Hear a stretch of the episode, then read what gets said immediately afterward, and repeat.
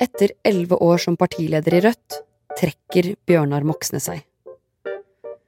Og det skjer etter at et par designerbriller havner i lomma hans, og etter en runddans av bortforklaringer. Og så er det mange uh, som er skuffa uh, over meg. Uh, skuffa av at jeg ikke gikk tilbake umiddelbart når jeg oppdaga hva jeg hadde i lomma, men, men fikk panikk. Og også skuffa over at jeg ikke, ikke gikk i detalj om hele forløpet fra første stund. Mandag morgen møtte en ny partileder pressen. Eh det er for så vidt er jo ikke partiet som har bedt Bjørnar trekke seg, men det som har skjedd siden saken først ble kjent, er jo at saken har vært mer alvorlig fordi Bjørnar ikke har vært ærlig om hva som har skjedd. Du hører på en ekstrautgave av Forklart fra Aftenposten, en podkast der vi forklarer én nyhet i hver episode. I dag forklarer politisk redaktør Kjetil B. Alstaheim hvorfor Moxnes måtte gå av som leder, og hvilken jobb Marie Sneve Martinussen har foran seg.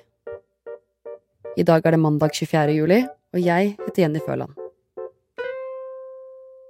16.6 så var eh, Rødt-leder Bjørnar Moxnes på Gardermoen, og da stjal han et par solbriller med merket Hugo Boss. Eh, og så kom det frem, det ble avslørt eh, et par uker senere, og derfra så akselererte den saken. Hva var det som skjedde da? Nei, han kom først med en forklaring om at dette var en slags forglemmelse, og så kom det frem at uh, politiet mente at uh, dette var uh, overlagt. Det var en, bevisst handling.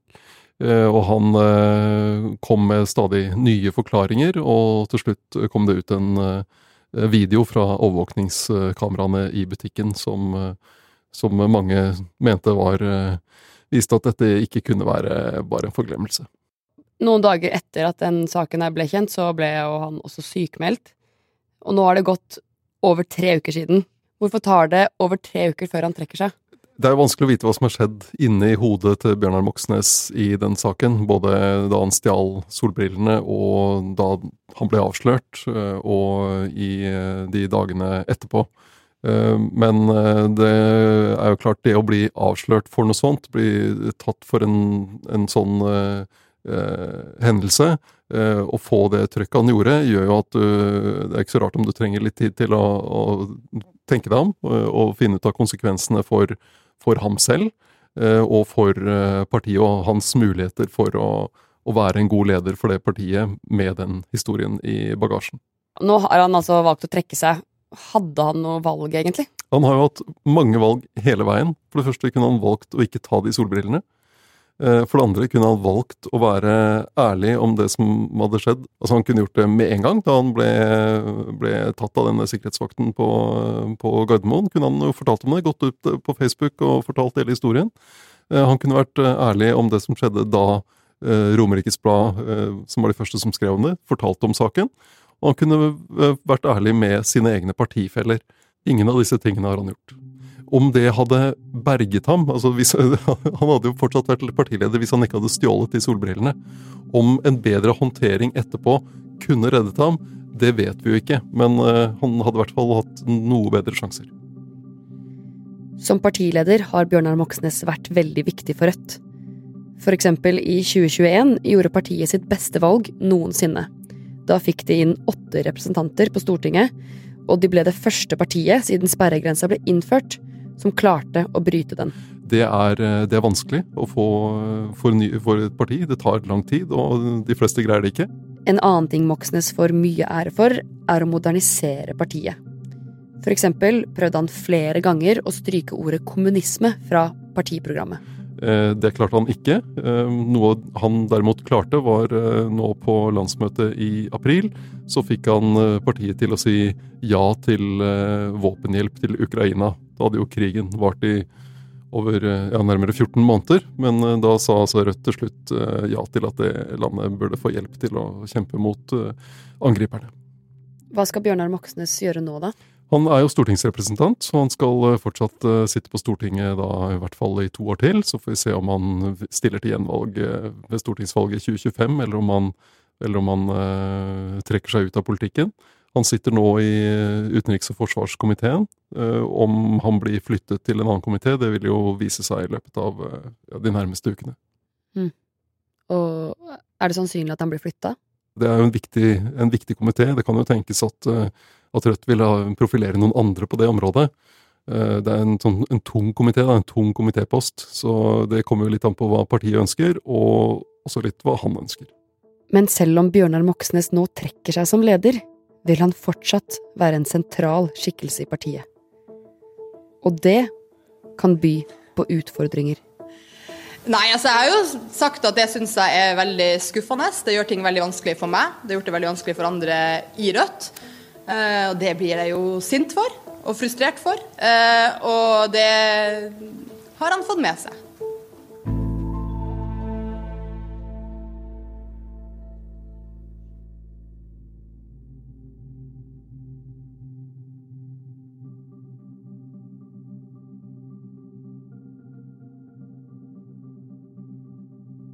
Rett før høstens valgkamp er det nestleder Marie Sneve Martinussen som har tatt over ledelsen. I alle fall frem til partiet holder landsmøte neste år. Det er jeg både sint og skuffa over, og det har jeg gitt veldig direkte beskjed om til Bjørnar eh, med et rett framspråk. Kjetil, hvem er hun? Hun er eh, samfunnsøkonom. Hun har jobbet i, blant annet som rådgiver i Miljødirektoratet.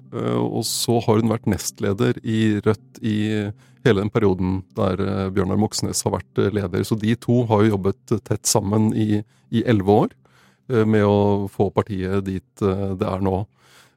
Så hun er på den måten vel etablert i, i partiledelsen, og hun har nå hatt to år på Stortinget. Har også mye altså er profilert på et av de saksfeltene som er viktigst for Rødt, nemlig dette med kampen mot forskjeller osv. Med den økonombakgrunnen hun har, og den interessen hun har for det området, så er det, er det uh, en god ting for henne inn i, den, uh, inn i den rollen. Hvilke utfordringer har hun nå foran seg, da? Hun kastes jo rett inn i en valgkamp uh, som tar av om bare et par uker. hun skal Under Arendalsuka er det den store partilederdebatten på NRK. Eh, det er jo en, eh, en, helt spesiell øvelse. Eh, det har hun jo aldri prøvd før, å være i, i, den settingen. Og det da å være leder i et lite parti som må kjempe om ordet, og prøve å få inn noe korte, tydelige budskap med passe doser humør, kanskje, det blir jo en, en ilddåp for henne, vil jeg si. Og så er det det å få dette partiet videre og gi, legge den saken, solbrillesaken, eh, bak seg på noe vis. Og det handler jo mye om å klistre mest mulig av det på ham, sånn at det, han får sitte der alene med skammen, og så kan partiet gå videre. Nei, altså Jeg har jo sagt at det syns jeg er veldig skuffende. Det gjør ting veldig vanskelig for meg. Det har gjort det veldig vanskelig for andre i Rødt. Eh, og det blir jeg jo sint for og frustrert for. Eh, og det har han fått med seg. Hun sier jo flere ganger på pressekonferansen som var i dag, at hun er sint og frustrert. Hvorfor sier hun det? Hva betyr det at hun sier det? Det er jo et uttrykk for at uh, hun opplevde at Bjørnar Moxnes ikke var ærlig med henne uh, da dette hadde skjedd.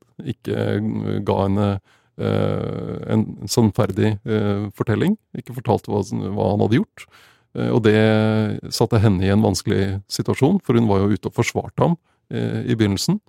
Eh, og så kom det nye opplysninger. Så hun føler seg åpenbart sviktet av en som hun har jobbet tett med så lenge. Han kommer jo fortsatt til å være en sentral skikkelse i partiet fremover. Så hvordan vil denne frustrasjonen påvirke samarbeidet og tilliten? Ja, det, det, er jo åpenbart vanskelig. Eh, dette er jo en, eh, ingen stor stortingsgruppe, det er åtte personer. og de er avhengig av å kunne samarbeide for å rett og slett fordele saker og, og, og sånt.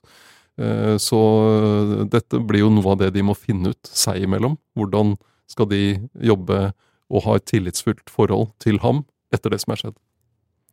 Hva slags Rødt vil vi se i politikken fremover, da? Jeg tror det vil ligne veldig mye på det Rødt vi har sett, fordi eh, Marie Sneva Martinussen har eh, vært eh, en del av den ledelsen så lenge, vært med på å legge den strategien. Det som kan bli en liten forskjell, er at Martinussen nok er mer opptatt av klima- og miljøspørsmål enn det Bjørnar Moxnes har vært. Så det kan bli en litt sånn vridning i, i vektlegging. da.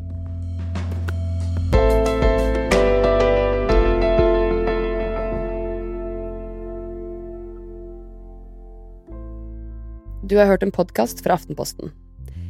Det var politisk redaktør Kjetil B. Alstheim som forklarte hvorfor Bjørnar Moxnes måtte gi seg som partileder i Rødt. Denne episoden er laget av Anders Weberg og meg, Jenny Førland. Resten er forklart er Synne Søhol og Olav Eggesvik. Du har hørt lyd fra VGTV. Det finnes spørsmål som ikke er så enkle å google seg fram til. Typ renta. Hvorfor må den absolutt opp, opp, opp? Altså, Finnes det ingen andre løsninger? Og hva skjer med oss og samfunnet når vi vurderer å rate hverandre hele tida? Og hvorfor straffer vi folk til fengsel selv om de ikke gjorde det med vilje, som han vaktsjefen på fregatten Helge Ingstad? Hva er poenget? Jeg heter Marit Eriksdatter Gjelland, og i podkasten Dypdykk nerder jeg kollegaene mine på tema som former tida vi lever i. Mest fordi vi er genuint nysgjerrig og fant ingen gode svar da vi googla, men også for å gi deg en helt ny innsikt og ta med til bordet neste vennepils. Sjekk ut Dypdykk i Aftenposten-appen eller hos Podmy. Ny sesong kommer onsdag 23. august.